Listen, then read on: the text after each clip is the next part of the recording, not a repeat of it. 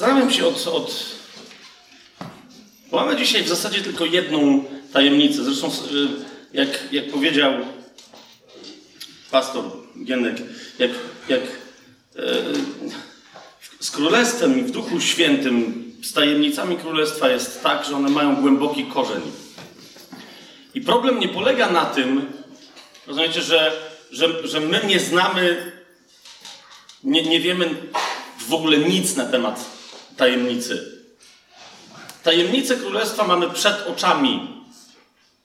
Tak jak przypomnijcie sobie, bo ten, który powiedział, wam dane jest znać tajemnicę królestwa, to był Jezus, który powiedział do swoich apostołów w ten sposób, do swoich uczniów. Wam dane jest znać tajemnicę królestwa, a, a oni za chwilę się go pytali, czyli o co chodzi. Przedstawiał im tajemnicę królestwa, a oni do niego podchodzili, żeby nie było siary przed całym, całą resztą ludu. Podchodzili i mówili, fajnie, a mógłbyś teraz trochę bardziej wytłumaczyć, bo dalej nie wiemy o co chodzi. Dlatego, że, że samo pokazanie tajemnicy nie jest jeszcze sięgnięciem po jej moc. Tajemnica ma głęboki korzeń. W tajemnicę trzeba wejść, żeby móc przez ten głęboki korzeń zaczerpnąć. Tajemnica nie jest po to, żebyśmy my byli w kościele gnostykami. Żebyśmy się popisywali, że a, ja teraz wiem, na czym polega ta tajemnica. Ale żebyśmy wiedząc, na czym polega tajemnica, weszli w tę tajemnicę i zaczerpnęli z jej mocy. Dzisiaj chcę powiedzieć o jednej tajemnicy. O tajemnicy oblicza Bożego.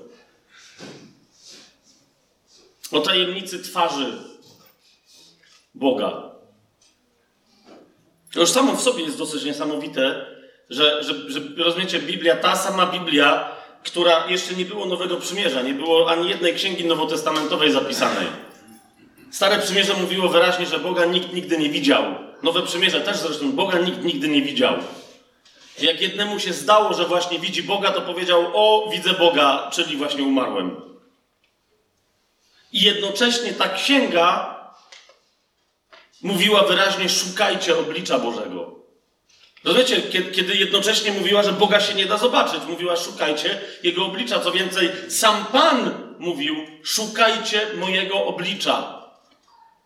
Co to znaczy? Psalm 105 sobie najpierw y, może otwórzmy, może tak zrobimy.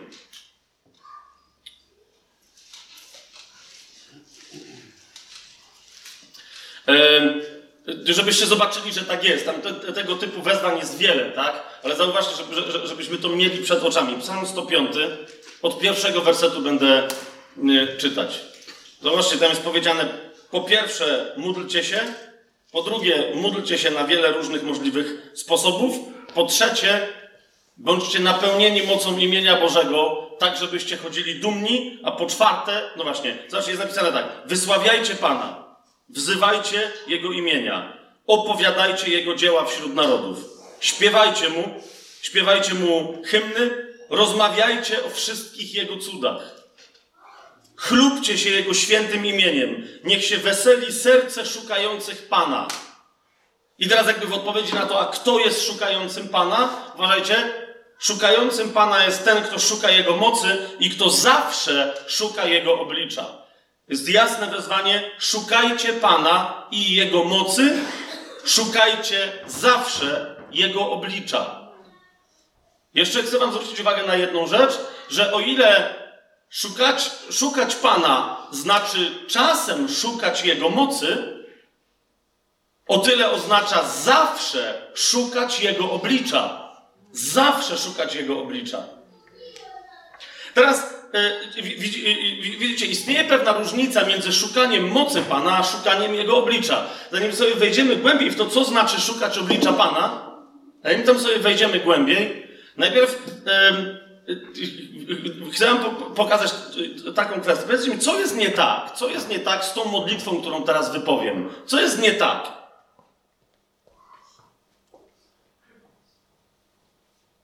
Panie, mam e, chorą osobę w mojej rodzinie. Bardzo proszę Cię, żebyś wyciągnął swoją rękę, żebyś objawił swoją moc i żebyś uzdrowił tę osobę w imieniu Jezusa Chrystusa. Co jest nie tak z następną moją modlitwą? Nie musicie mi na głos odpowiadać, tak? Ale co jest nie tak z następną moją modlitwą? Panie, dziękuję Ci, bo, bo, podczas naszej ostatniej ewangelizacji, podczas ostatniego głoszenia, podczas mm, nauczania, podczas naszych świadectw działo się bardzo wiele cudów. Dzięki Ci, Panie. Dzięki Ci, Panie, ponieważ widzieliśmy wielu uzdrowionych, widzieliśmy wielu, którzy byli ślepi, a przejrzeli, widzieliśmy wielu, których, którzy byli sparaliżowani, a wstali i zaczęli chodzić. Dzięki Ci, Panie. Co jest nie tak z tą modlitwą? Co jest nie tak z tą modlitwą? Panie, Ty jesteś Jehowa Irech, Ty jesteś, to, ty jesteś ten, który zaopatruje. dzięki Ci, dzięki Ci, ponieważ wiem, że teraz nie mam, ale jutro będę mieć, ponieważ Ty zaopatrujesz. Ty jesteś Jehowa Rafa, Ty jesteś ten, który uzdrawia. Wiem, że dzisiaj nie mam pełnego zdrowia, jutro będę mieć. Dzięki Ci, błogosławię Cię, wyznaję, wyznaję to, kim Ty jesteś. Dzięki Ci. Co jest nie tak z następującą modlitwą, którą teraz wypowiem? Panie, w, w to, wszystkie moje źródła są w Tobie. Błogosławię Cię i wywyższam Twoje imię, ponieważ wszystko, wszystko od Ciebie mam. Rozumiesz? Rozumiesz? Rozumiesz? Boże, stoję przed Tobą i mówię Ci, że wszystko od Ciebie mam. Błogosławię Cię, ponieważ jestem przez Ciebie kompletnie zaopatrzony. Chwała. Co jest nie tak z tą modlitwą? Już Wam mówię. Nic nie jest nie tak z tymi modlitwami, dopóki mówi je człowiek, który szuka oblicza Pana. Jeżeli masz chrześcijanina, którego modlitwy są tylko takie, bo te wszystkie modlitwy, uważaj, są związane z mocą Pana. Czy to jest jasne, co teraz mówię? Wszystkie te modlitwy są związane z mocą. Wszystkie te modlitwy są związane z wyciągniętą ręką Pana. Czy jest coś złego w nich? Nie ma absolutnie nic złego. Czy było coś nieprawdziwego w nich, co powiedziałem? Nie! Były absolutnie prawdziwe. Absolutnie prawdziwe. Absolutnie. Sęk tylko w tym, że jeżeli, jeżeli nie jesteś skupiony, nie jesteś skupiona na obliczu Pana, a tylko na Jego ręce, to stąd jest już tylko jeden krok, a być może nawet nie jeden krok. Być może już ten krok został wykonany, bo stamtąd naprawdę jest tylko jeden krok do tego, żeby wpaść w kompletne bałwochwalstwo, w ramach którego nie oddajemy czci Panu, Jego świętemu imieniu i Jego obliczu, ale oddajemy cześć Jego ręce.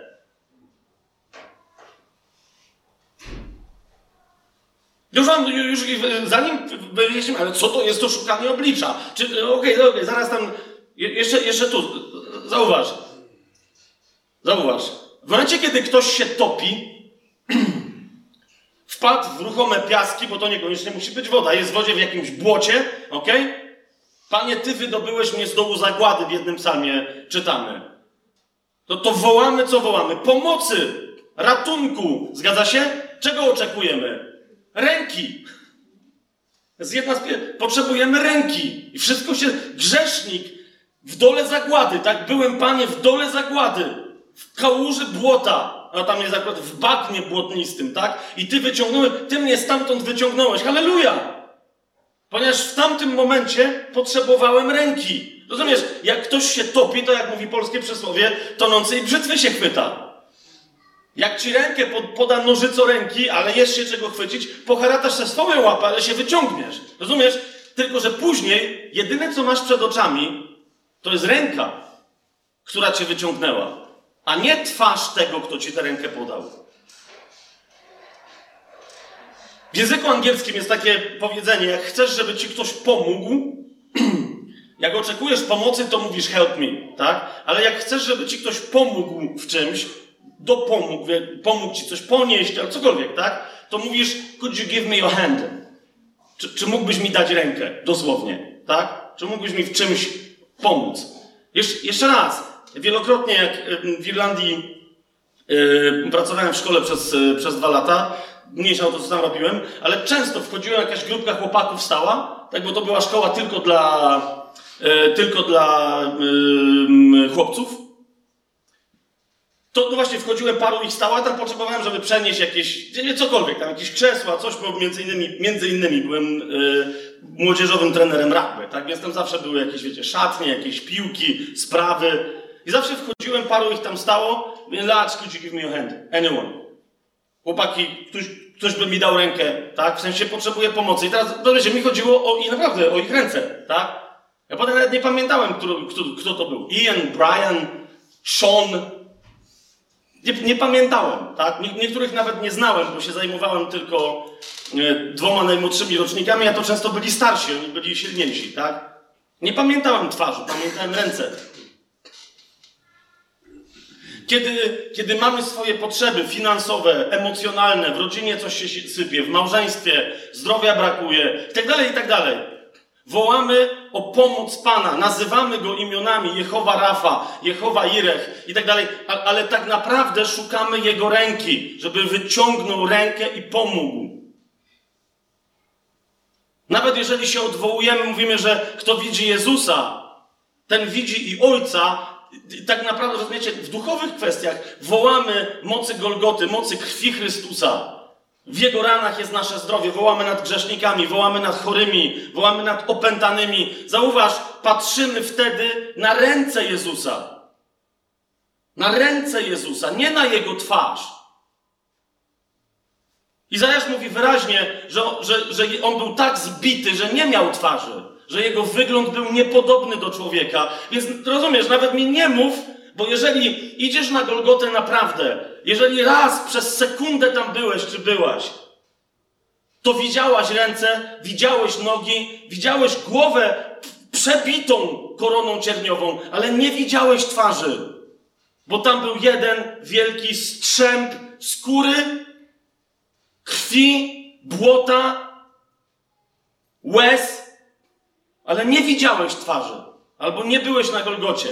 Byłeś tylko pod jakąś fałszywą figurką, pod jakimś fałszywym, idolatrycznym wyobrażeniem Jezusa na krzyżu.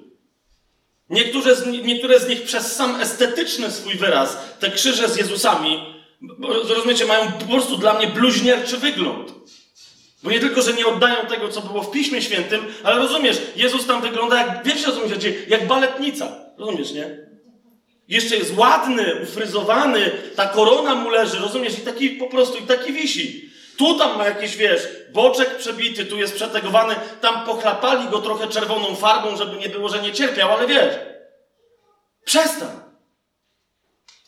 Co to jest za obraz tej największej bitwy, jaka się odbyła kiedykolwiek, czy odbyła, czy jeszcze odbędzie, kiedykolwiek w historii dziejów ludzkości. Rozumiesz? Choćby im miliony zginęły, a jeszcze jest Armagedon przed nami, a choćby im miliony zginęły i setki milionów, to, to niczym będzie ta ofiara, którą tam niektórzy z głupoty poniosą, wobec tej ofiary, którą Chrystus poniósł na krzyżu. I dlatego nie ma wizerunku, który by pokazał, to, co się stało na krzyżu. Ale kto w duchu tam był, ten wie. Tam nie widać twarzy. Jak idziesz pod krzyż i wołasz, bo masz potrzebę, to wołasz do rąk Chrystusa. Bo na tych rękach On sobie wyrył Twoje imię. Jasne jest to, co mówię? Ale cały czas, rozumiesz? Dopóki ja wołam o rękę, dopóki ja wołam o moc Bożą, o wyciągniętą prawicę. Zobacz, nawet dzisiaj rano, tak? Odczytałem fragment z czwartego rozdziału dziejów apostolskich.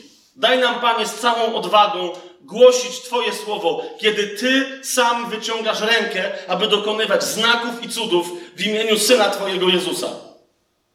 Jeszcze raz, my w najlepszej intencji, kiedy chcemy zbawienia tych, którzy idą do piekła, są, są zgubieni. Kiedy chcemy błogosławieństwa dla całego świata, przemiany, przełomu, pokoju, nadal w najlepszych naszych intencjach, zauważ, wołamy o rękę. Prosimy o poznanie mocy Pana, ale tam nie ma oblicza. Dlaczego? Bo kiedy ktoś woła o moc, woła o wyciągniętą rękę, jest skupiony na sobie. Czasem jest skupiony nie na sobie, ale na potrzebach tych, o których woła, ale wtedy przed oczami, prosząc o rękę Pana, ma przed oczami oblicza innych ludzi w potrzebie. Jasne jest to, co mówię? No okej. Okay.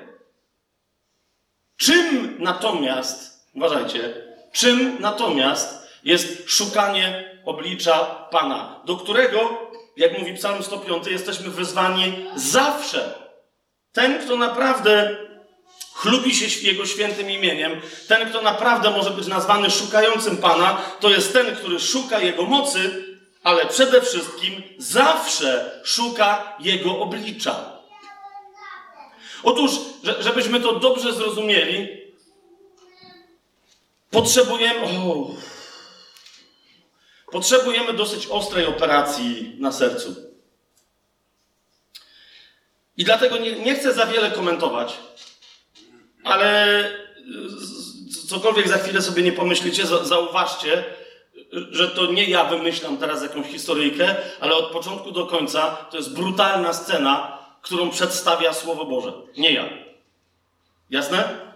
Przeczytamy sobie coś, co przedstawia Słowo Boże. Żeby zrozumieć, czym jest szukanie oblicza Bożego, Słowo Boże pokazuje nam między. Ja myślę, że jesteśmy w takim stanie, że potrzebujemy zobaczyć, co jest najpierw, żeby to zrozumieć, co jest przeciwieństwem szukania oblicza Bożego. Otwórzcie sobie Księgę Przysłów, kto ma tam co otwierać, zwłaszcza jak macie stare, yy, stare przymierze. Na rozdziale siódmym chciałbym, żebyście, mm, żebyśmy się podzielili wizją z królem Szlomo, którego po polsku nazywamy Salomonem, synem Dawida, który miał wizję. W tej wizji, teraz ja dodaję, ja dodaję, on miał wizję pewną etyczną, pewną moralną wizję. Niemoralną raczej powiedziałbym. Ale, ale, ale wiecie, dla mnie, zaraz to się bardziej wyjaśni, dla mnie głębiej to jest wizja nie tylko idioty młodego, który spotkał starszą zapewne, ale też idiotkę, bo on takich opisuje, jako ludzi, którzy nie są przyjaciółmi mądrości. A więc pokazuje głupców, tak? Według mnie tu znaczenie jest znacznie głębsze. Pokazuje ludzi, którzy są bałwochwalcami, dlatego że oddają się cudzołóstwu. Cudzołóstwo w Biblii zawsze w pierwszym znaczeniu oznacza zdradzanie Boga. Tak? Trzecim znaczeniu i w trzecim rzędzie, któż może zdradzać Boga? No ten, kto najpierw jest mu poślubiony. Zgadza się? A więc tak naprawdę Któż jest poślubiony Bogu? Kto jest poślubiony barankowi? Kościół. A więc teraz zobaczycie młodego chrześcijanina i starszą chrześcijankę, albo odwrotnie, tak? bo tu nie chodzi o to, kto jest mężczyzną, a kto jest kobietą, ale zobaczycie także, jak Kościół, kiedy nie szuka oblicza Bożego, jakiego oblicza zaczyna szukać. Czytam sam tekst. O tym, że rzeczywiście tak jest, Że to jest przykład ludzi, którzy są niemądrzy, świadczy czwarty werset, który powiada: Mów do mądrości, jesteś moją siostrą, a roztropność nazywaj swoją przyjaciółką, aby cię strzegły przed cudzą żoną i przed obcą, która mówi gładkie słowa. Ale to teraz to mniejsza o to, bo teraz idziemy o to, co znaczy szukać oblicza Bożego. Najpierw zobaczmy, co znaczy robić tego, czynić tego przeciwieństwo. Więc będę czytał od siódmego wersetu i dalej, w siódmym rozdziale Księgi Przysłów. I zobaczyłem wśród prostych, zauważyłem wśród chłopców nierozumnego młodzieńca, który przechodził ulicą blisko narożnika owej kobiety, idąc drogą do jej domu. O zmierzchu, pod wieczór, w ciemności nocnej i w mroku. A oto spotkała go kobieta w stroju nierządnicy i chytrego serca. Wrzaskliwa i nieopanowana, której nogi nie mogą ustać w domu. Raz na polu, raz na ulicach i czyha na każdym rogu. Otóż chwyciła go i pocałowała, z bezczelną miną powiedziała do niego: U mnie są już ofiary pojednawcze. Właśnie dzisiaj spełniłam swoje śluby. Dlatego wyszłam ci naprzeciw. Szukałam pilnie Twojej twarzy i znalazłam Cię. Nierządnica, która uważajcie, nie jest żadną nierządnicą, jest tylko tak ubrana. Kobieta, która nie wiemy czy bożką, czy może samemu Jachwę złożyła jakieś śluby i ich jakoś dopełniła. Rozumiecie o co chodzi? Może nie jest święta, ale na pewno jest pobożna w jakiś sposób i jest religijna. I teraz mówi, skoro już jest wszystko dobrze, to poświętujmy. Wyszła na ulicę i szuka chętnego. Ale nie jest nierządnicą, ona się tylko tak ubrała, żeby jej było łatwiej znaleźć. Jest powabna. Rozumiesz, ale za chwilę wychodzi, co, kto to jest ta kobieta. Niemniej zauważ, co ona mówi. Do, do faceta, którego nigdy wcześniej nie widziała. Mówi, szukałam Twojej twarzy. Twojego oblicza właśnie szukałam. W domyśle jakiegoś młodego głupka, który chociażby będzie przystojny. Kogoś, kto by mi się spodobał. Wybaczcie mi, w jaki temat wchodzę, ale o tym mówi Słowo Boże. Kto by mi się spodobał i nadał na jedną noc. Wyszłam ci naprzeciw, szukałam bowiem pilnie Twojej twarzy i znalazłam Cię. Otóż obiłam kobiercami swoje łoże, przystrojone rzeźbieniem, prześcieradłami z Egiptu. Skropiłam swoje posłanie mirrą, aloesem i cynamonem. Chodź, upijmy się miłością aż do samego rana. Nacieszmy się aż do końca zmysłów naszą miłością. Dlaczego? Zauważ, tu się szoki zaczynają. Dziewiętnasty werset. Bo mojego męża nie ma w domu. Rozumiesz, kto to wyszedł na ulicę? Co sobie myślisz o tej kobiecie? Bo mojego męża nie ma w domu. Pojechał w daleką drogę. A, że już go długo pewnie nie ma i jeszcze długo go nie będzie. Znudziłaś się? Bo mojego męża nie ma w domu. Pojechał w daleką drogę. Wziął ze sobą worek pieniędzy, a dopiero umówionego dnia wróci do domu.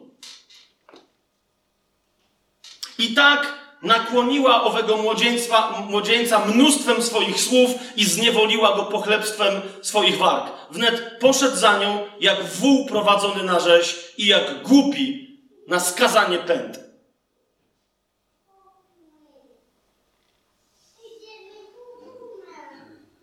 Aż strzała przebije mu wątrobę. Spieszy się jak ptaszek w sidła, nie wiedząc, że chodzi o jego życie. Więc teraz słuchajcie mnie, synowie, i zważcie na słowa moich ust. Niech Twoje serce nie zbacza na jej drogi i nie tułaj się po jej ścieżkach, bo wielu zranionych strąciła i wielu mocarzy już pozabijała. Jej dom to jest droga do piekła, która wiedzie w samo serce komnat śmierci.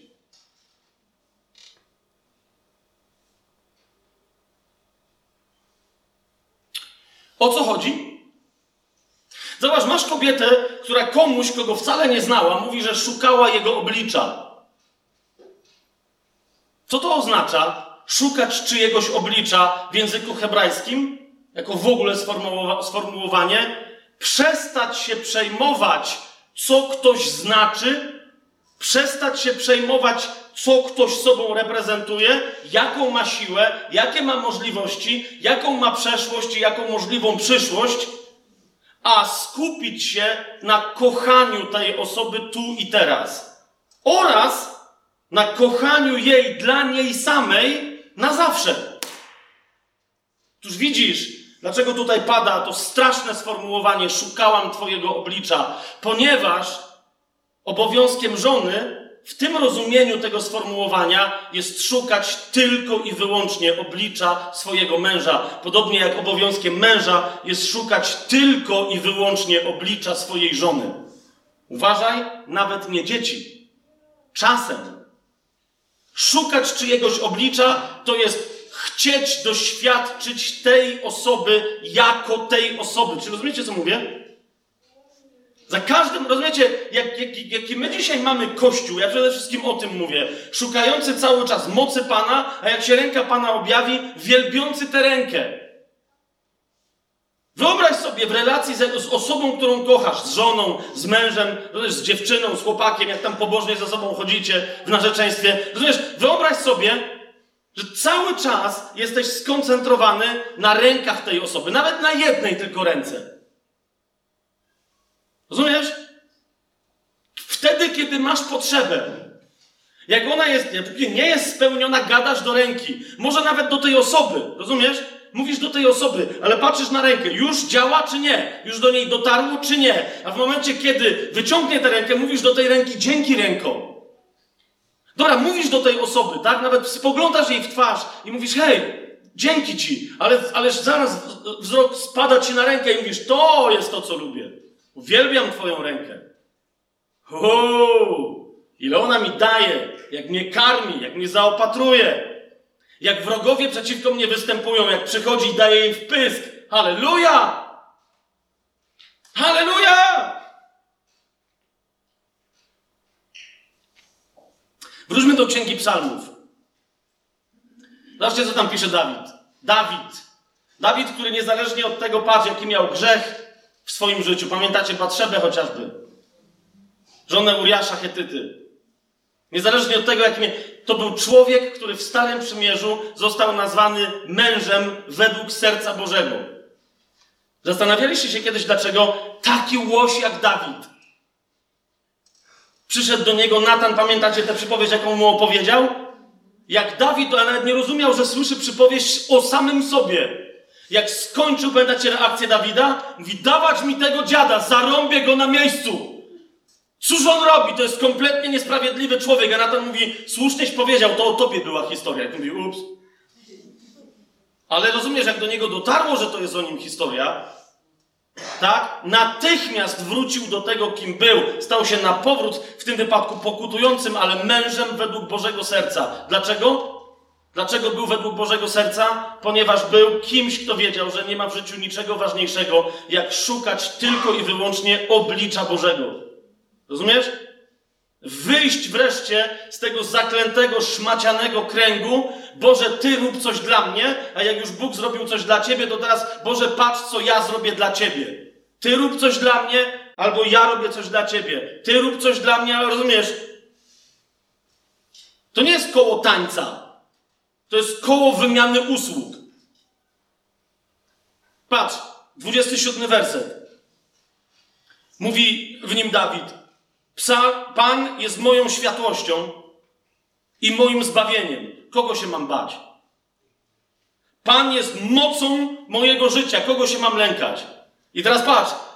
Widzisz? Mówi, to jest moc. Co, co jest mocą? Mówi, że nie, nie to, że, nie ma, że mam potrzeby niezaspokojone. Nie. Mówi nawet jak wrogowie przede mną stanęli w przeważającej sile, mówi, wiem, czym jest moc Pana. Zobacz, drugi werset. Gdy złoczyńcy Moi przeciwnicy i wrogowie wystąpili przeciwko mnie z taką mocą, że mogli pożreć moje ciało, to się potknęli i upadli. I chociażby całe wojsko rozbiło naprzeciwko mnie obóz, moje serce się nie będzie bać. Chociażby wojna wybuchła przeciwko mnie, nawet wtedy będę ufać Panu. Dlaczego? Bo pierwszy werset, Pan jest moją światłością i jest moim zbawieniem. Kogo mam się lękać? Pan jest mocą mojego życia. On mówi, znam moc Bożą. Znam moc. Nie muszę na nią, nie, nie, rozumiesz, nie muszę o nią prosić, nie muszę o nią zabiegać. Mam ją! Ale zauważ, mając moc Bożą, patrz co robi, patrz co robi Dawid. Odwraca się od tej mocy, bo mówi, że jest coś znacznie ważniejszego. Zobacz co robi. Czwarty werset. Mówi, ale jeżeli mam o coś prosić Pana, to proszę Go tylko o jedno. Patrz co się tu dzieje. O jedno proszę Pana i tylko o to będę zabiegał. Zauważ, co się dzieje. Tylko o to będę zabiegał.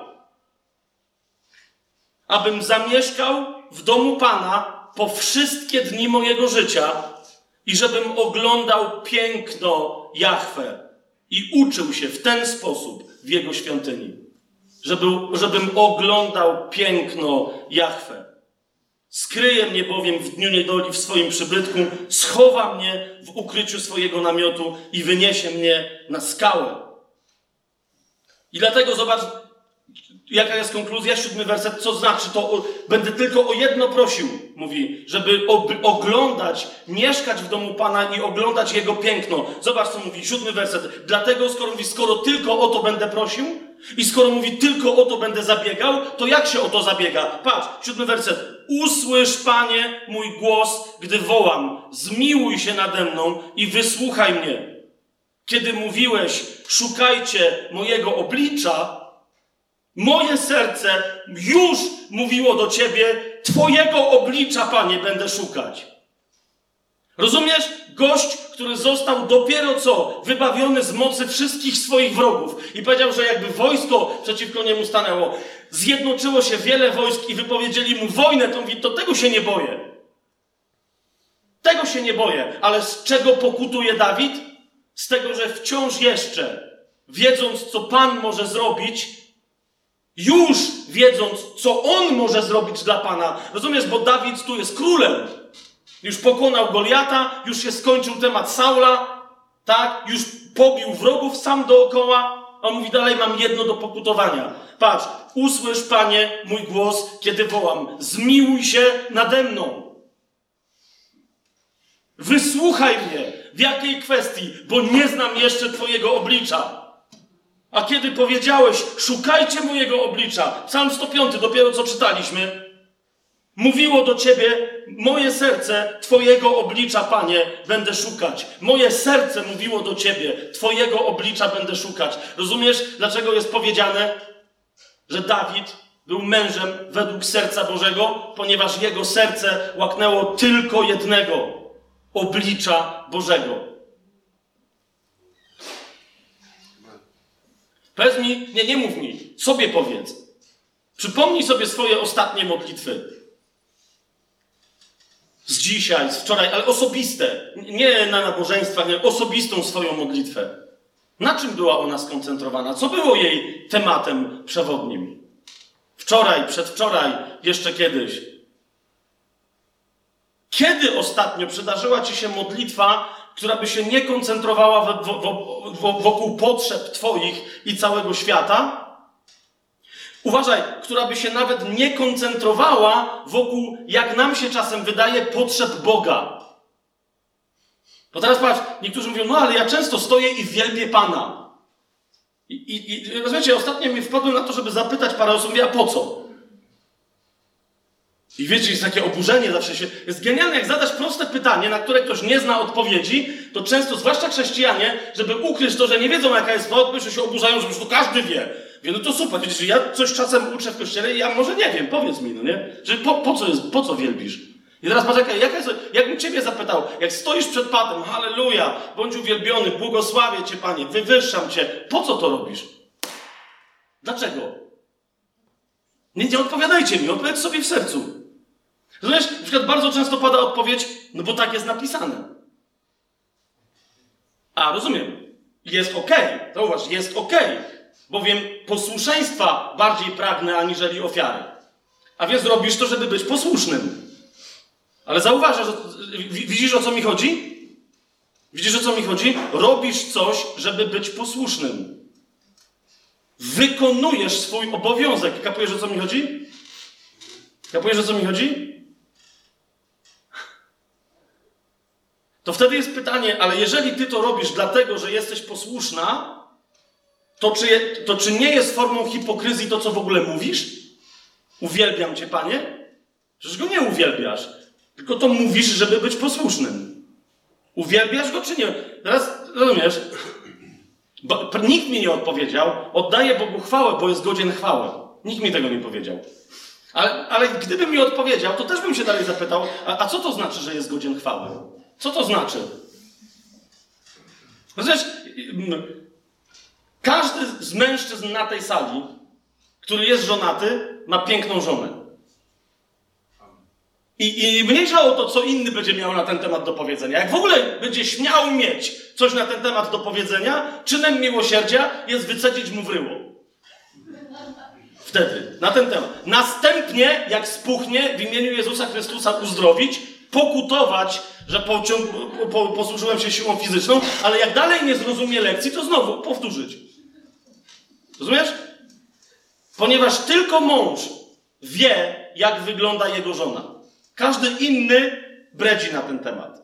Tylko mąż ma objawienie na temat swojej żony. Czy jest jasne to, o czym mówię? Więc dlatego tylko od męża żona może się dowiedzieć, czy jest piękna. Jeszcze raz powtarzam, żeby mi tu żaden szmaciarz teraz w sercu, jeszcze raz mówię, biorę odpowiedzialność za swoje słowa. Jeżeli, rozumiesz, Bóg dał ci żonę, jeżeli ty ją sobie wziąłeś kiedyś z jakiegoś powodu, mówię teraz do facetów, To nie, nie, nie interesuje mnie, co się stało po drodze, co Bóg związał. Niech człowiek swoim bredzeniem, swoim łbieniem, niech tego nie rozwiązuje. Tu nie chodzi tylko o rozwód. Rozumiesz? A więc, a więc, jeżeli w tobie było, to, bo, bo niektórzy mówią, że, że żona to musi być tylko od Boga. I to mamy kolejną plagę. Na jakimkolwiek obozie chrześcijańskim, w lecie zwłaszcza, się pojawi jedna ładna dziewczyna, 16 ma objawienie, że to jest ich żona. Tylko ona nie ma objawienia na temat żadnego z nich, rozumiesz? Bo skąd gdzieś się komuś pojawiło, że chrześcijańskie małżeństwo musi być zeswatane przez Boga? Że Bóg, rozumiesz, Bóg nie ma co robić, tylko latać i ty z tą, ty, to jest kościół Muna. Rozumiesz? Ty z tamtą, yy, tamta z tym, te dwie, no, to dziadostwo to... Yy. Cza, nie, nie mówię, że tak się nie dzieje, żebyście się nie zgorszyli teraz. nie mówię, że tak się nie dzieje. Ale najczęściej dzieje się tak, że ten podoba się tej, a ta podoba się temu. Rozumiecie o co mi chodzi? Zakochują się w sobie i tak dalej. Bóg to tak stworzył. Więc jak już coś stworzył i to dobrze działa, po co jeszcze ma w tym często maczać palce? Po co? Tylko ludzie sobie jakieś dziwne rzeczy wymyślają. A więc wracamy. Ale jak już ta się temu spodobała, ten tamtej również, Bóg to pobłogosławił, a wówczas objawił, powinien, powinien objawić i, i robi to, a mąż powinien mieć objawienie piękna swojej żony. Rozumiesz? To jest, to jest to. To jest to. I teraz, jak masz takie doświadczenie, teraz nie mówię, bo teraz kobiety mogą mieć trochę problem pod tytułem, gdzie ja mam objawienie piękna mojego męża. To tak nie działa w tamtą stronę. Nie ma czegoś takiego, ok? Wiem, że jest XXI wiek i jest dużo mężczyzn, którzy myślą, że, są jakieś tam ładni czy coś, ale po prostu, po prostu nie ma takiego zjawiska. No nie, nie, nie wchodźmy w to dalej, ale nie ma takiego zjawiska. No, no po, po prostu, tak? Facet jest facetem i nie jest stworzony po to, żeby się zachwycać jakimś jego pięknem. Jak jeszcze sztuka była normalną, zdrową sztuką, to rozumiecie, e,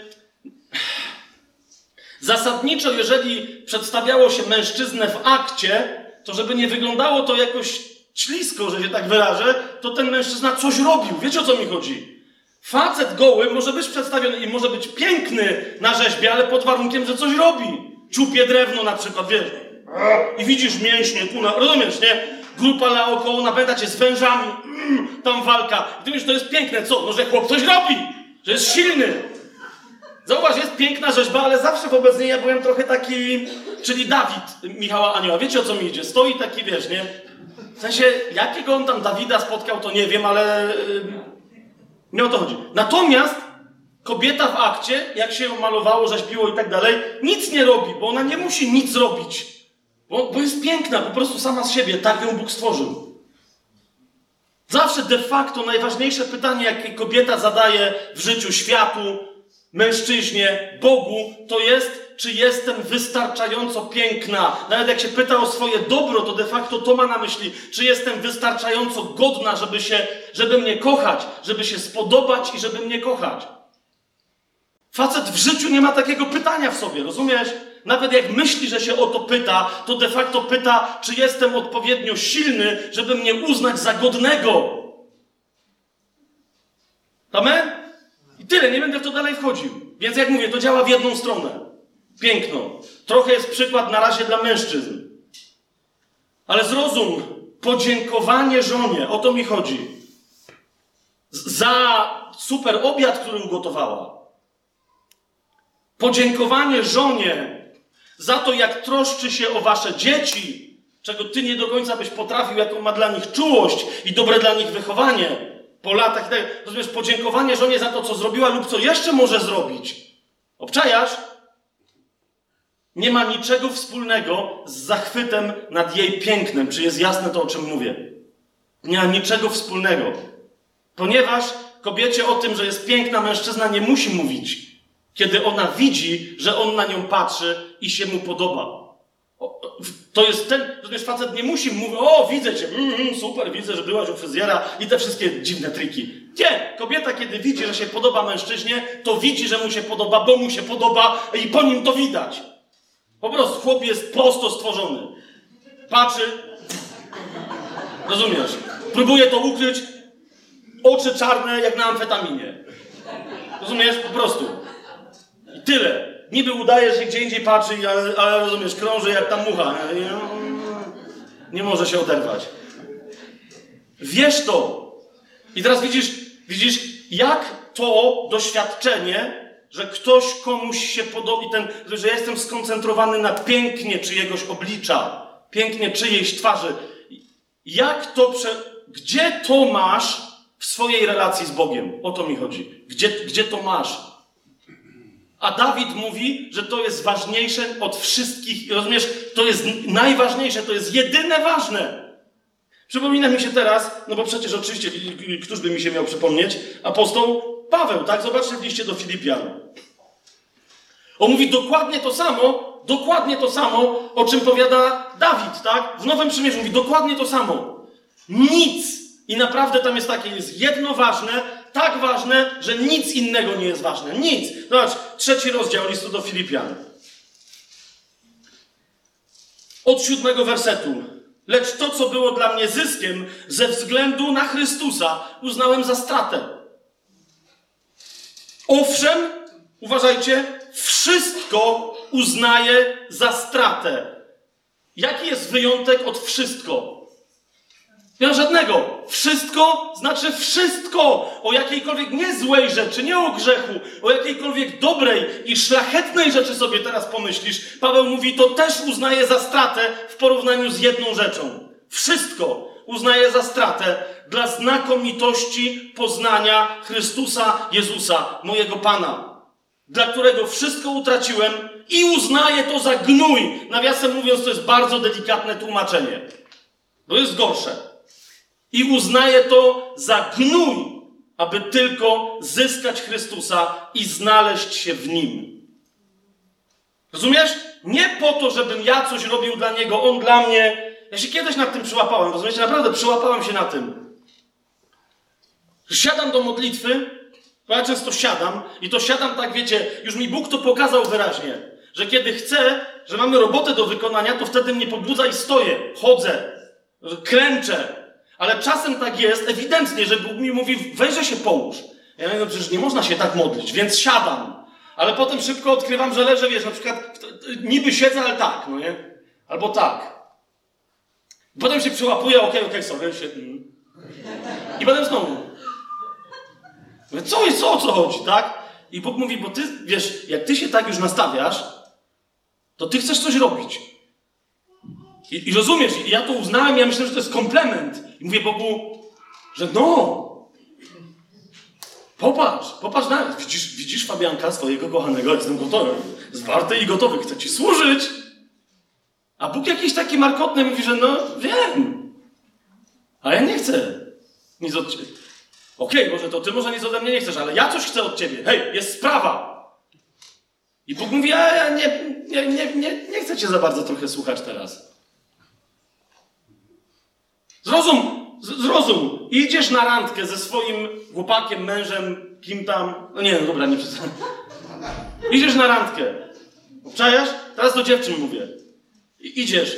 I, I teraz rozumiesz, ten siadacie gdzieś, nie wiem, wyobraź sobie swoją ulubioną randkę. To może być, tylko nie kino, bo to nawet jak masz ulubioną, to znaczy, że byłaś źle traktowana. To nie jest nie kino, no nie? To musi być miejsce, w którym ktoś na ciebie patrzy. Tak? Gdzieś super ekstra miejsce, specjalnie dla ciebie. Cały genialny, rozumiesz, całe genialne otoczenie, super wszystko, tak? Ten jeden, jedyny patrzy na ciebie. Siadasz i mówisz okej, okay, super, fantastycznie, to możemy zaczynać randkę. A on mówi e, rzeczy samej. Czyli tak, wyciąga notes i mówi, czyli są takie sprawy, no nie? Yy, wyjmij notatnik. I mówi, y, ale nie, nie ten, nie koło notatnik, tylko tam, gdzie jest plan tygodniowy. Okej, okay, dobra. I rozumiesz? I nagle randka zamienia się w odprawę. No nie, w sensie, okej, okay, to mówisz, super, dobra, co? Y, I on ci mówi, co masz zrobić, zdaje relację z tego, co zrobił, tak? Po czym kończy i mówi, no dobrze, Elżbieta, że jak tam masz na imię? No dobrze, mówi, yy, a co ty, o, co ty masz teraz, y, dlaczego? Mówi, co masz, co, y, y, co chcesz ode mnie, co, co chcesz? I ty masz w sercu, że no ja przyszłam na randkę, no nie? Ale w głowie masz takie, okej, okay, no, no, nie no, w zasadzie nic, no nie? Dzięki ci, że jesteś, uwielbiam cię. rozumiesz, to jest często dziękczynienie i uwielbienie chrześcijan. Którzy już zrozumieli, że skoro Bóg do nich nic nie ma, oni też za bardzo nic do Niego nie mają, to mówią, ok, co, co teraz trzeba robić? Trzeba dziękować i uwielbiać. Także super, jesteś naprawdę fajny, wziąłeś mnie w eleganckie, naprawdę moje wymarzone otoczenie. Wierzę, że jak mi nawet czegoś w życiu zabraknie, to mi, bo ty jesteś Direch i Rafa, bo na szczęście mam chłopaka lekarza, także super, super, naprawdę. Rozumiesz, ty byś wyszła z takiego spotkania kompletnie rozczarowana i twoja miłość zaczęłaby gasnąć. Chcesz mi powiedzieć, że Bóg, który jest miłością, jest zadowolony z takich spotkań, jest zadowolony z takich modlitw? Rozumiesz? On chce Ciebie dla Ciebie i On chce, żebyś Ty Jego chciała czy chciał dla Niego samego. Skosztujcie i zobaczcie, jak dobry, jak cudowny, jak smaczny jest Pan. Jak, rozumiesz, nie ile kosztuje, ale jak. To nie jest błąd językowy teraz, ale jak kosztuje Jego błogosławieństwo, Jego obecność. Rozumiecie, że szukaj oblicza Pana w wielu tłumaczeniach, nie tylko w języku polskim nie jestem pewny, ale w innych językach bardzo często nie, nawet nie jest tłumaczone szukajcie mojego oblicza, ale szukajcie mojej obecności. I, i, i to jest dobre tłumaczenie, bo to to oznacza. Nie, nie aktywności, ale obecności. Przestań mi patrzeć na ręce. Pozwól, że cię obejmę. Pozwól, że cię obejmę. A wczoraj, wczoraj jak już skończyliśmy nauczanie, moja uwielbiona przeze mnie absolutnie żona poza tym, że jest piękna i cudowna i kochana, to jeszcze przy okazji jest artystką i czasem takie akcje odstawia. Wczoraj jechaliśmy, mieliśmy jechać za Gienkiem, bo nie znaliśmy drogi. Jechali za nim. Gienek zadzwonił, że jednak będzie po drodze myk, bo musi zatankować, więc zadzwonił do mojej żony na FaceTime. Co oznacza, rozumiecie, że gadał do, do telefonu w ten sposób i widać było jego twarz. Ale moja żona nawet tego nie zauważyła. No widzisz, bo to właśnie to jest to, bo nie chciała szukać jego twarzy, tylko o co chodzi. Więc ten do niej gadał twarzą, a ona wzięła do ucha. I tak, słucham, wiesz... I, Gienek widział ucho mojej żony. I mówił jej do ucha. I dopiero później Madzia to wyłączyła i mówi, o kurde, to był FaceTime. I wtedy zaczęła szukać Gienka twarzy, zadzwoniła i, i mówi, halo, ja jestem tu, tu, to nie ucho, to jestem ja, halo, to jestem tu ja. Przepraszam cię bardzo, bo nie myślałem, że dzwonisz normalnie. No wiesz o co mi chodzi? To to jest moment, dzięki Ci Madzia, to jest moment, którego potrzebujemy w naszej relacji z Bogiem. To jest moment, którego potrzebujemy. Spotkać się, z, rozumiesz, przedzwonić do Niego na FaceTime.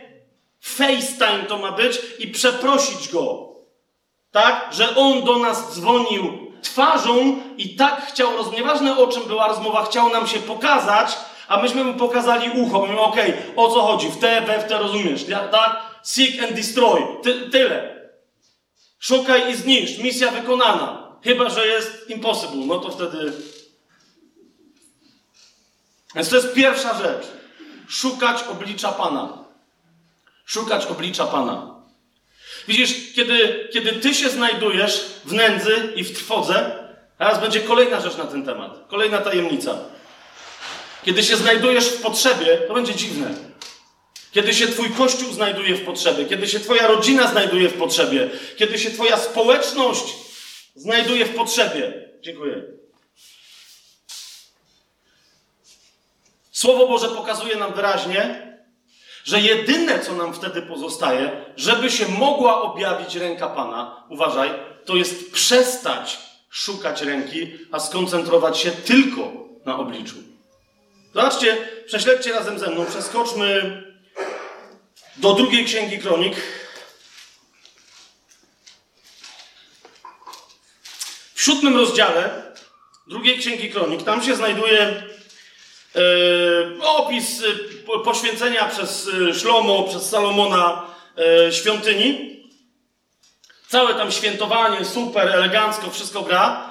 A wtedy i Izraelitom się już wydawało, że już wszystko mają. Wiecie o co mi chodzi? Mają stację nadawczo-odbiorczą. Bo mają świątynię, wiedzą, jak się składa ofiary Bogu. Rozumiecie, o co mi chodzi? Temat mocy Bożej mają załatwiony i dopóki my będziemy wiernie składać ofiary, Bóg wiernie będzie nas wysłuchiwać, o co Go nie poprosimy. Zgadza się? I teraz wobec tego Bóg uznał, że jest to tak istotne, żeby wyjaśnić temat Jego mocy, że się osobiście objawił Salomonowi. To jest druga Księga Kronik, siódmy rozdział, dwunasty werset. Zobaczcie, potem Pan osobiście ukazał się Salomonowi w nocy i powiedział do niego: Wysłuchałem, wysłuchałem Twojej modlitwy i wybrałem sobie to miejsce na dom ofiary. Ale zauważ, co mówi, zaraz mówi: Wybrałem sobie wszystko gra, to jest miejsce ofiary. Mówi, ale wciąż zrozum, to, że wiecie, że znacie technologię, że się tak wyrażę, że macie świątynię, macie kapłanów, oni wiedzą jak się modlić, znają prawo, to wszystko nie zmienia podstawowej kwestii, że jak wy wpadniecie w grzech i w sercu swoim przestaniecie mnie kochać, odwrócicie się ode mnie, zaczniecie szukać oblicza kochanka, zaczniecie uprawiać bałwochwalstwo jakiegokolwiek typu, a od razu tutaj zgromadzonym chrześcijanom, jak w wielu innych miejscach, muszę przypomnieć, że bałwochwalstwo to nie są tylko figurki fałszywych bogów w świątyniach, to nie są tylko obrazki fałszywych stworzeń, którymi się, którym się oddaje cześć. Nowy Testament między innymi mówi bardzo wyraźnie, że chciwość jest bałwochwalstwem. Zauważyliście? Nie, żebym coś mówił, ale zauważcie wobec tego, że zboru, który nie ma figurki ani obrazu na swojej ścianie, nic nie chroni przed bałwochwalstwem w kwestii chciwości. I pokazywanie ścian, popatrz, my nie jesteśmy bałwochwalcami, pokaż mi swoje serce i pokaż mi swój portfel. Policz, ileś ostatnio poświęcił na swoje przyjemności, a ile było w Twoim życiu ofiar, które, jak mówi pismo, podobają się Panu, które były ofiarami dobroczynności, które były jałmużnami. Nie dlatego, że ktoś potrzebował, ale dlatego, że to się podoba Panu. Chciwy to nie jest ten, kto tylko nie wypłaca pracownikom. Rozumiesz? Chciwy to również jest ten, kto zapomina o tym, że oprócz modlitwy Bogu podoba się ofiara dobroczynności. List do Hebrajczyków, 13 rozdział, sprawdźcie, 13 rozdział, sprawdźcie to sobie sami. Kapujesz? I nagle może się, to jest też chciwość. A chciwość jest bałwochwalstwem. I teraz zobacz, teraz zobacz, gdzie masz figurkę dziadowskiego słonia z sześcioma rękami tuż przed swoim nosem. Więc Pan mówi, jeżeli zaczniesz uprawiać bałwochwalstwo takiego czy innego rodzaju, to, co się może zdarzyć, zobacz 13 werset, mogę zamknąć niebo, powiedział Pan. Jeżeli zamknę niebo, żeby nie było deszczu, ale zrozum to też i w sensie duchowym, zamknę niebo i nie będzie błogosławieństwa. Jeżeli zamknę niebo, żeby nie było deszczu, jeżeli rozkazę, rozkażę szarańczy, żeby pożarła ziemię, zdarzy ci się nieszczęście w życiu. Ktoś cię okradnie. Napadną twojego syna i go pobiją prawie na śmierć. Rozumiesz różne rzeczy. Twojemu dziadkowi nagle wyskoczy rak i powiesz, jak to? Oto właśnie masz szarańczę, która to, co wydawało ci się, że już zasiane, wyrosło i masz plony, nagle pożera, pożera i nie wiesz, co zrobić. Bo nie wiadomo, jak walczyć z szarańczą. Jeżeli zamknę niebo, żeby nie było deszczu, jeśli rozkażę szarańczy, aby pożarła ziemię, jeśli też ześlę zarazę na swój lud, to Pan mówi, zauważ, czego powinieneś wtedy szukać. Nie mojej mocy, nie mojej wyciągniętej ręki. My wtedy zawsze szukamy Pana ręki. Mówimy, wyciągnij rękę. A zobacz, co Pan mówi. Jeśli ten mój lud, który jest nazwany moim imieniem, czy my jesteśmy nazwani imieniem Chrystusa? Czy imię Jeszua jest tym, które zostało wypisane palcem Bożym w naszych sercach? Jesteśmy? Amen. A zatem, jeżeli mój lud, który jest nazywany moim imieniem, w takiej sytuacji, zauważ, po pierwsze, ukorzy się, po drugie, będzie się modlić, ale jak? Szukając mojego oblicza, widzicie, co jest grane? Odwróci się od swoich złych dróg, wtedy wysłucham go z nieba, przebaczę mu grzech i uzdrowię jego ziemię. Widzicie, o co chodzi? Jak my dzisiaj wołamy w Polsce, wołamy, Panie, wiemy, że, że Ty chcesz przebudzenia w tym kraju. Już wlałeś przebudzenie w serca wielu, wielu Twoich sług i służebnych, wielu Twoich synów i córek mają to w sercu. Czemu nie chcesz nam zamanifestować tego przebudzenia w kościele, aby i niewierzący zobaczyli, jak wielka jest Twoja chwała? To to jest właśnie to. Pan mówi, niebo jest zamknięte i nie ma deszczu.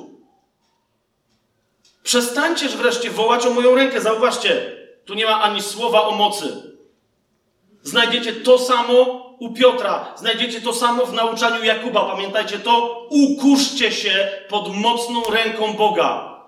Ręka Boga wtedy nie służy do tego, żeby ci błogosławić. Ręka Boga służy do tego, żeby wreszcie wziąć mnie za twarz, rozumiesz, i tego twardego karku przestawić moją twarz i mój wzrok na swoją twarz.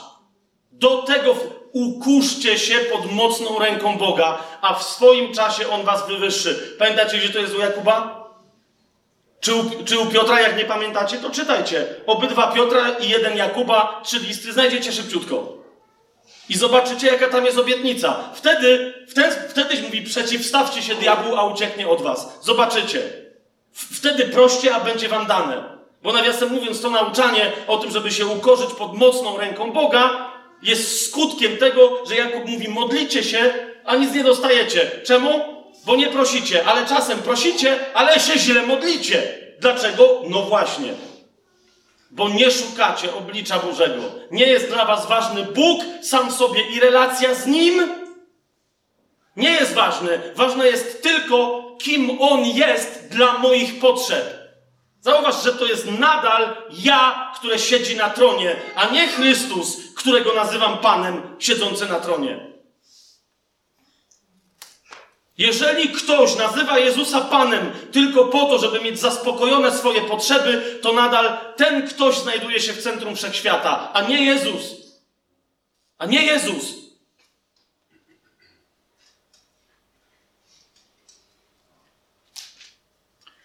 Tu myślę, że sprawę mamy jasną. Mamy jasną? To jeszcze tylko jedna rzecz na koniec. Otóż, jak już na swojej modlitwie przestaniesz być wreszcie aktywistą, zdasz sobie sprawę, ja sobie naprawdę musiałem zdać sprawę, że ja, wiecie, jak wchodziłem w modlitwę, wiecie, że bywało czasami, e, potem czasem moja żona na przykład przychodziła i mówi, ty, ty się modliłeś 4 godziny? Rozumiecie, ja byłem nieszczęśliwy po tych 4 godzinach, bo, bo, bo, bo wychodziłem po 4 godzinach i mówiłem, a ja nie wiem dalej, co mam robić. Bo ja miałem sprawy do Boga. I dopiero po paru dniach usłyszałem, Bóg mi powiedział, powiem ci, co masz robić, jak na mnie spojrzysz. Spójrz mi w oczy. Ja cię kocham. Popatrz na mnie. Pobądź ze mną. Wyobraź sobie, że masz dziadka, który, rozumiesz, on już nie ma nic do roboty. Nie ma dla ciebie żadnych zadań. I go odwiedzasz, bo on cię kocha i ty w sumie też chyba go kochasz. Rozumiesz? Ale po pięciu minutach się nudzisz, bo nie ma z nim co robić. Kochasz go? Po coś tam się pojawił? Po coś tam się pojawiła? Wiesz o co mi? Ja miałem dwóch dziadków, których uwielbiałem.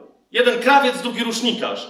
Tak? Jeden potrafił robić w konia Niemców, drugi był partyzantem, a przed wojną e, uwielbiał Żydów. Między innymi został w momencie wyrzucony z jeszywy, bo się ktoś kapnął, że to jest goj, a nie Żyd. Okay? Potrafił mówić widzisz e, po rosyjsku i po niemiecku. po prostu siedziałem z dziadkiem, rozumiecie, i uwielbiałem jego opowieści. Wiecie o co mi chodzi? Ale, żeby to było, ja po prostu uwielbiałem jego. Dziadka Zenka, bo dziadek Poldek wcześniej umarł, tak? Uwielbiałem jego. I raz dziadek Zenek miał w okolicach tam godziny 16, jakoś coś, coś koło tego, miał taką, nieważne co opowiadał, jaki był podekscytowany, że jestem, co, co tam, znaczy on tak mi mówił, mówi, yy, wiesz co Fabianku, mówi, chwila, on mówi coś, mówi, yy, ja już wiedziałem, że jemu nic do oka nie wpadło, nie ma nic do przemyślenia, po prostu potrzebuje dżemki, to potrwa z jakieś pół godziny. Siedział przy stole, na taborecie, w kuchni, yy, ja obok, i on wtedy po prostu tak, yy, tak się podpierał i potem i spał przez pół godziny. Rozumiesz? I ja siedziałem przy nim. Po prostu go uwielbiałem, rozumiesz, jak uwielbiałem chłopa. Myślę sobie, jaki w ogóle gigant, ty. Siedzi i śpi na stole. W ogóle, ty. Rozumiesz? Nie wiem, czy łapiecie, o co mi chodzi. Po prostu uwielbiałem tego chłopa, nie? Siedziałem i tyle, nie? Zresztą to był zaszczyt dla mnie, że siedzę przy dziadku, który śpi na stole, po prostu. Rozumiesz? Dla mnie ostatnio jest to jeden z najmocniejszych, bo Bóg mi przypomniał to, dla mnie ostatnio to jest jeden z najpotężniejszych obrazów tego, do jakiej modlitwy mnie Bóg wzywa. Że nawet, rozumiesz, jak Bóg na mojej modlitwie śpi. Czy mi się tak wydaje, że śpi? Wiecie o co chodzi? Mi się tak wydaje, że śpi. To, to, to po prostu to ja się nim tak cieszę, że siedzę i patrzę i mówię, a zarobiście, Bóg śpi ty. Patrz. Pamiętacie Jezusa na łodzi? Nawet nie będę tam przechodził. Pamiętacie go? Burza dookoła, Jezus śpi. Dlaczego? No po prostu wie, co się dzieje, no nie? Zobacz, cała reszta ciężkich zawodników dookoła. Ha! Ha! Giniemy! Serio? Widzisz Pana Wszechświata? Może nie wiedzieć, możesz nie wiedzieć, że to jest Pan Wszechświata, ale widzisz potężnego gościa, którego już, rozumiesz, znaki mocy, cuda widziałeś i teraz on śpi spokojnie, a ty myślisz, że giniesz na tej samej łódce. No weźesz! Widzisz, i to jest to. Zamiast poszukać Jego oblicza, podejść i popatrzeć ty, a może Jezus tam, a może, może dostał belką w głowę i po prostu stracił przytomność, zobaczmy. Może tak się boi, że tam się schował i mówi, zginiemy. Może jakby ktoś jeden podszedł i zajrzał mu w oblicze, co by zobaczył? O cudowne, błogosławione oblicze Syna Bożego. Spojrzałby w to oblicze, odwróciłby się i by powiedział, panowie, no ogarnijcie się. Dziewczynki, spokojnie. Spokojnie. Pan sobie śpi. Jak on śpi, to co nam grozi? Zluzuj to. Nawet w ogóle zdejmijcie maszt. Prostu dopłyniemy za chwilę. Nie? Burza jest chyba po to, żebyśmy szybciej dopłynęli. Pan sobie śpi.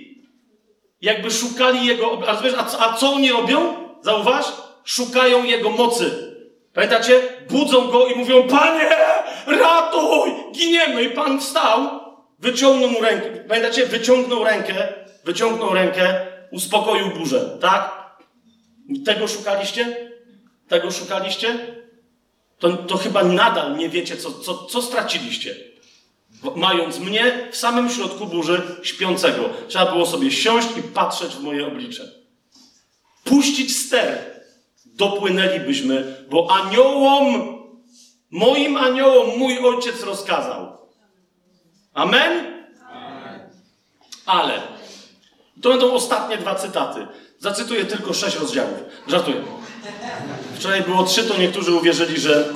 Otóż, kochani, jest jednak do tego wszystkiego jeszcze jeden aspekt, naprawdę, dwa cytaty tylko i kończymy, ale niezwykle istotne. Nie będę tego rozwijał, bo wczoraj żeśmy to rozwijali.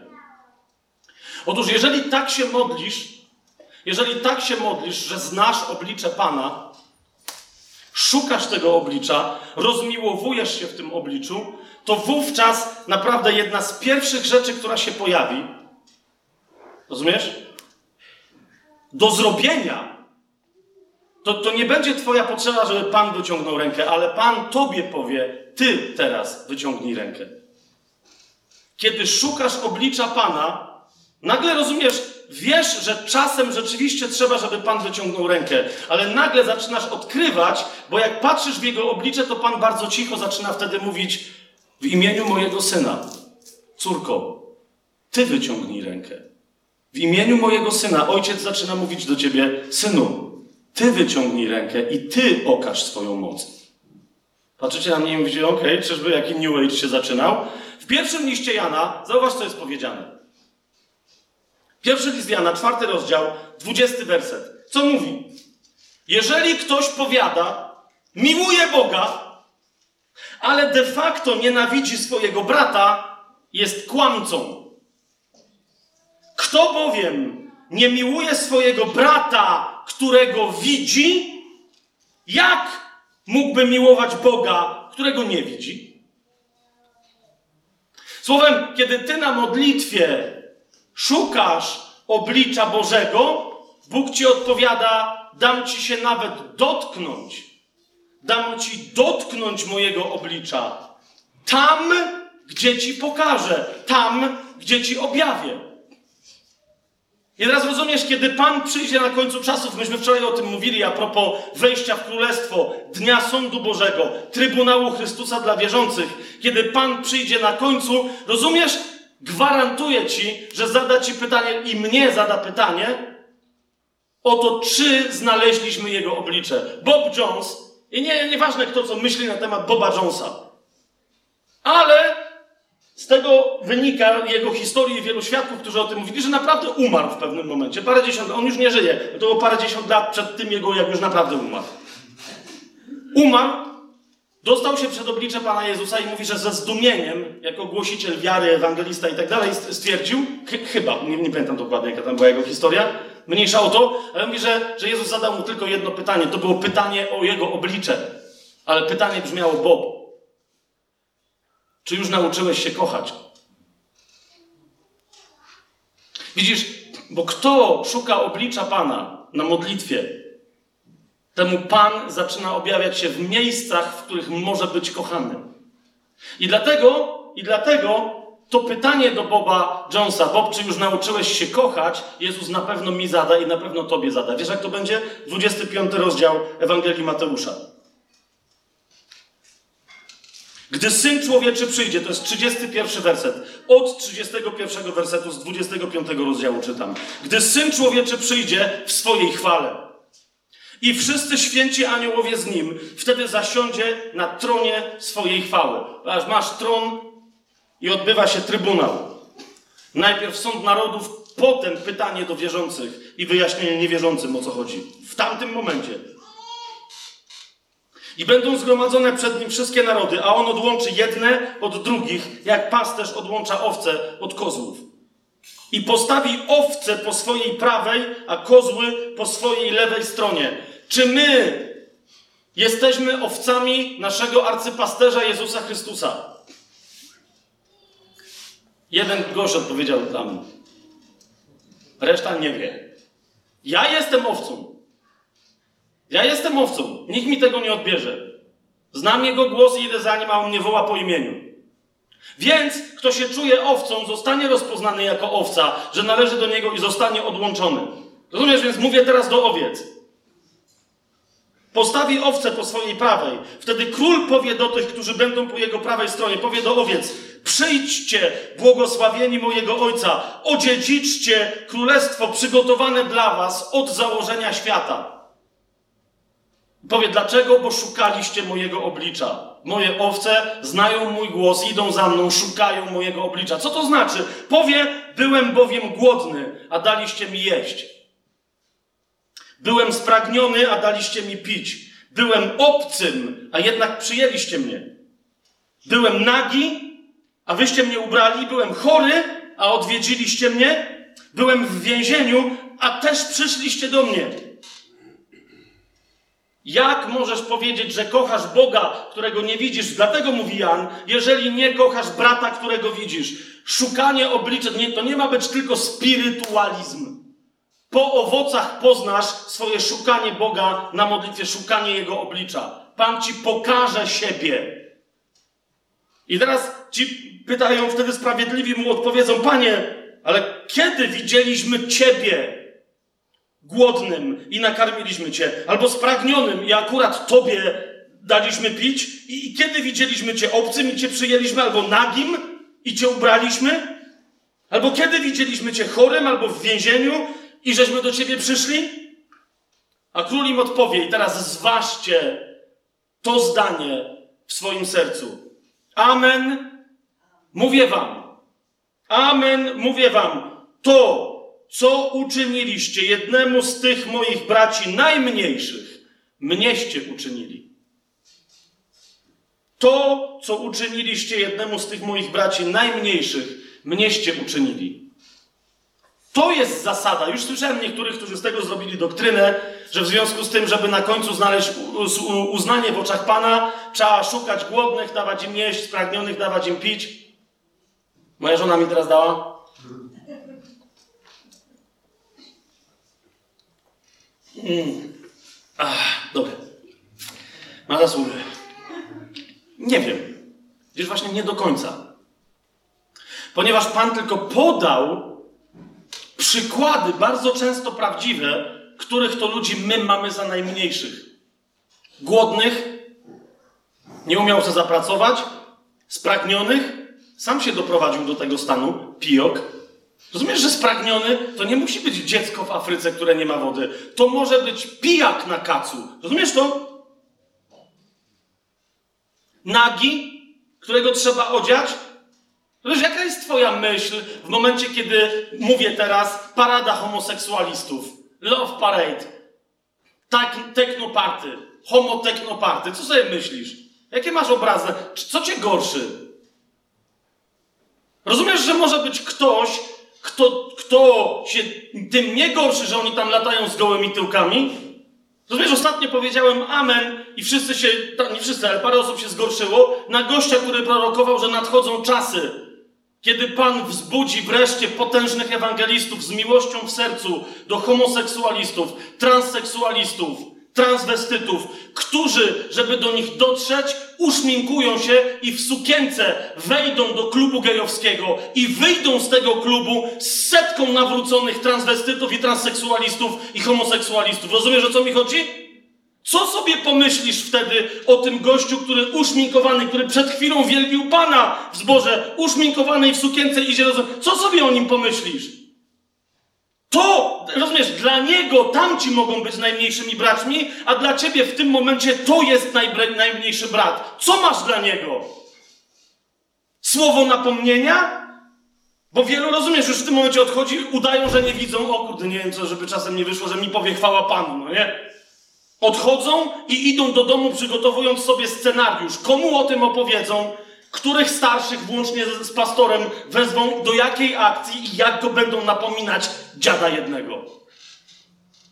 A wtedy, a wtedy Jezus powie, cokolwiek uczyniliście jednemu z tych najmniejszych, mnieście uczynili. To w tym momencie właśnie przygotowaliście sąd dla mnie. Ja tam szedłem zbawiać do klubu gejowskiego, a wyście mnie osądzili, co robię. Nie wierzycie mi?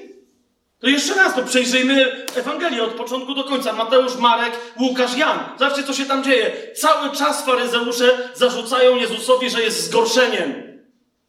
Że się zadaje z poganami, że się dotyka, że nie myje rąk, tak jakby jest przepisane w ludzkim prawie. Że, że się obżera, że pije, że jego uczniowie nie poszczą.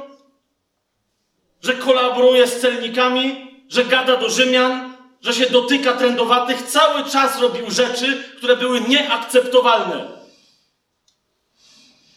Rozumiesz? Głodni, spragnieni, yy, nadzy, więźniowie i tak dalej. Ci wszyscy ludzie, tak, oni są najmniejsi, ale pytam się ciebie, uważaj teraz. Teraz uważaj. W twoim zborze, jeżeli jesteś tutaj zborownikiem, czy nie zborownicą, nie lubię tych nazw, rozumiesz? Nie lubię tych wyrazów. W każdym razie, w Twoim zborze. I teraz odpowiedz sobie w sercu na pytanie i się nie kryguj i się nie popisuj, bo Bóg to widzi. Kogo masz z tych, których znasz w zborze za najmniejszego brata albo za najmniejszą siostrę? Najmniejszego w sensie najsłabszego, najmniej godnego uznania. Być może nawet na granicy lekkiej pogardy. Kogo masz? Ergo Stegen mnie kiedyś zaskoczył, bo mówi, że jak jemu pan zadał to pytanie, to mówi, że on wszystkich kochał, on jest pastorem, miał przebudzenie, przebudzenie, które rozumiecie, trwa już w tej chwili ponad 50 lat w RPA. Trwa! Ze znakami, z cudami, z nawróceniami, z wypędzeniami. Rozumiecie, o, moc! Ja mówi, panie, mówi, przecież ty już wszystko oczyściłeś, ja kocham wszystkich. Bam! W tym momencie mu Bóg pokazał, że raz w czasie ewangelizacji ktoś nie uszanował wielkiego pastora Sztegena i położył go w pokoju obok drugiego pokoju, w którym położył jakiegoś starszego, który strasznie chrapał. I Ernstegen pomyślał sobie, o mój Boże, czy ten człowiek nie wie, że chrapie? Czy nie powinien spać w stodole? Powinien mieć jakąś troskę, na przykład dla mnie. Ja jutro będę głosił przez cały dzień. Ale jeszcze sobie pomyślał, ale co za łoś go tam położył, wiedząc, że on chrapie. Jezus go powiedział, tak właśnie mnie potraktowałeś. Pomyślałeś sobie, jak obrzydliwym Chrystusem jest ten Chrystus, który mnie położył obok chrapiącego. Ten Chrystus, który właśnie leży w pokoju obok i chrapie.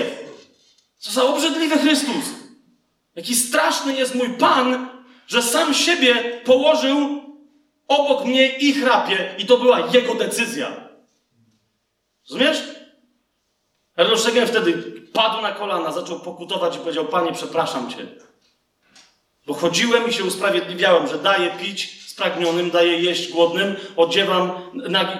Tak, a nie zauważyłem, że dla mnie najmniejszy to nie jest któryś z tej listy przykładowej, ale że, że oto tu jest mój najmniejszy. Kto dla ciebie jest najmniejszy w twoim otoczeniu, w twojej rodzinie, w pracy, gdzie jesteś, w zborze? Kto? Kto jest dla ciebie najmniejszy? Jaki masz stosunek do tej osoby? To jest, rozumiesz, jedyny test na to, jaki masz stosunek do Jezusa. Co Jezus na końcu ci pokaże. To jest cała prawda na temat Twojego i mojego szukania oblicza Bożego. To jest to, jak naprawdę widzę oblicze Boże. To jest, ta, to jest ten głęboki korzeń owej tajemnicy szukania oblicza Pańskiego.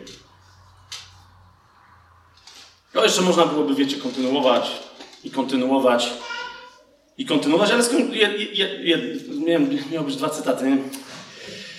To, to jest taki cytat jakby na zasadzie, mo, to nie, to już, już skończyłem, to są dwa cytaty, już skończyłem, ale teraz chciałbym jeszcze się podzielić mottem do Twoich rozważań. Mam takie, taką propozycję motta do Twoich rozważań. Otóż widzisz, my jako Kościół, my jako Kościół jesteśmy oblubienicą. Jako cały Kościół jesteśmy oblubienicą. Teraz czasem kobiety narzekają i mówią, że wszędzie w Piśmie Świętym jest mowa o braciach, jest, a zwłaszcza jest mowa o synach, że my wszyscy jesteśmy synami Bożymi. Czemu tam nie ma córek? Bo nie ma. Ja cię kręcę, jak po prostu się narąbało w tym XXI. No nie ma. Rozumiesz? Bo i teraz o co chodzi? Że kobiety często jak się o to pytają, nie pytają się, żeby dostać odpowiedź. Rozumiesz o co mi chodzi? Tylko się pytają, żeby mieć pretensje. A dlaczego tam nie ma córek? A się pytasz? No chyba to jest pytanie. No nie wiem. Jak ci odpowiem, to chcesz usłyszeć? To okej. Okay. No bo nie ma. I teraz, jak już wiesz, że nie ma, to jest druga rzecz, bo nie można w Chrystusie, który przyszedł na świat jako mężczyzna, być kobietą. Rozumiesz o co chodzi? Nie, nie można. Zaczekaj, żeś! Chodzi o to, że Chodzi o to, że to nie jest jeden, jedyny rodzaj traktowania zbawionego człowieka. My wszyscy jesteśmy nazywani, my wszyscy, mężczyźni i kobiety, jesteśmy nazywani synami Bożymi. I tak jest. To nie znaczy, że Bóg nie rozróżnia, Jezus nie rozróżnia kobiet. Szafłowi, jak się jest wyraźnie powiedziane, że byli prześladowani mężczyźni i kobiety. Kobiety i mężczyźni. Uczniowie, naśladowcy tej drogi. A Jezus powiedział o nich wszystkich, Szawle, szawle, dlaczego mnie prześladujesz? W tych kobietach i w tych mężczyznach. Bo nie ma już mężczyzny, nie ma kobieta, nie ma Ży... kobieta, kobiety, nie ma Żyda ani Greka i tak dalej. Ale teraz uważajcie. Chodzi o to, że Bóg, jak mówi, posługuje się, żeby na różne sposoby pokazać najlepszy obraz. W kwestii dziedziczenia lepszym obrazem jest syn niż córka. Czy jest to jasne? W kwestii więzi miłosnej, teraz obczajcie, żebyście dziewczyny później nie mówiły, Ponieważ Kościół nigdzie nie jest nazywany Panem Młodym. Jest? No i teraz widzisz, a chłopy nie przychodzą do mnie i się nie pytają, a gdzie jest Pan Młody? A powinni? Nie jest to dla was niekomfortowe, panowie? Przypowieść o wszystkich zbawionych ludziach czekających na powrót Jezusa to jest przypowieść o kim? O głupich i mądrych pannach. Gdzie jest tam chłop? Nie może być, dlatego że obrazem kościoła czekającego na powrót Jezusa jest co? Jest pani młoda. No i teraz rozumiecie, dziewczyny, że naprawdę łatwiej jest sobie kobiecie pomyśleć, jakby to było w ramach dziedziczenia być synem, niż mężczyźnie pomyśleć sobie, jakby to było w ramach małżeństwa być panią młodą. A jednak Bóg nigdzie nie dał komfortu mężczyznom i nie powiedział, że a, w, pewnym sensie z drugiej strony nie. Kościół jest oblubienicą i zarówno wy, panie, jak i my, panowie, idziemy na ślub z barankiem. Jako w, w, w welonach, suknia. Obczajacie? I teraz, I teraz w tym, no, to jak już to, i teraz ten cytat. Jedenasty rozdział drugiego listu do Koryntian. Paweł, a propos swatów, Paweł mówi, że nie Bóg jest swatem, ale że On zeswatał. Kogo? Zbawionych z Bogiem. I mówi tak, 11 rozdział, dru, drugi werset. Jestem zazdrosny o was Bożą zazdrością, ponieważ zaślubiłem was jednemu mężowi, aby przedstawić was Chrystusowi jako czystą dziewicę. Widzicie to? Dlatego w innym miejscu do Tesaloniczan yy, powie, żeby nienaruszony, czyściu, nieskazitelny duch wasz, dusza i ciało dotrwał do, do powrotu naszego Pana i Zbawiciela Jezusa Chrystusa, tak? Rozumiesz, my jako Kościół, ty i ja, my w Kościele mamy zostać nienaruszoną, i każdy dobrze wie, co to znaczy, czystą dziewicą na powrót męża, którym jest Chrystus. A nie być, wybaczcie mi określenie, tą puszczalską z księgi przysłów Salomona z siódmego, rodzaju, z siódmego rozdziału. To wychodzenie na ulicę i szukanie oblicza kochanka to jest zawsze odwrócenie się od oblicza Bożego. W duchu, ale też i w świadectwie swojego życia. W swoim stosunku do najmniejszego brata. A więc, kochani, abyśmy pozostali żeby Paweł lub ci, którzy nas przyprowadzili do Chrystusa swoim świadectwem, słowem, które głosili, żeby nie musieli być, nie musieli być niepotrzebnie zazdrośni, żeby nie musieli uruchamiać Bożej zazdrości. Skoro jesteśmy zaślubieni jednemu mężowi i jest to baranek bez skazy, zróbmy wszystko, wejdźmy na tę drogę mądrych panien, na której pozostaniemy czystymi dziewicami, szukającymi tylko i wyłącznie oblicza swojego młodego Pana. Amen.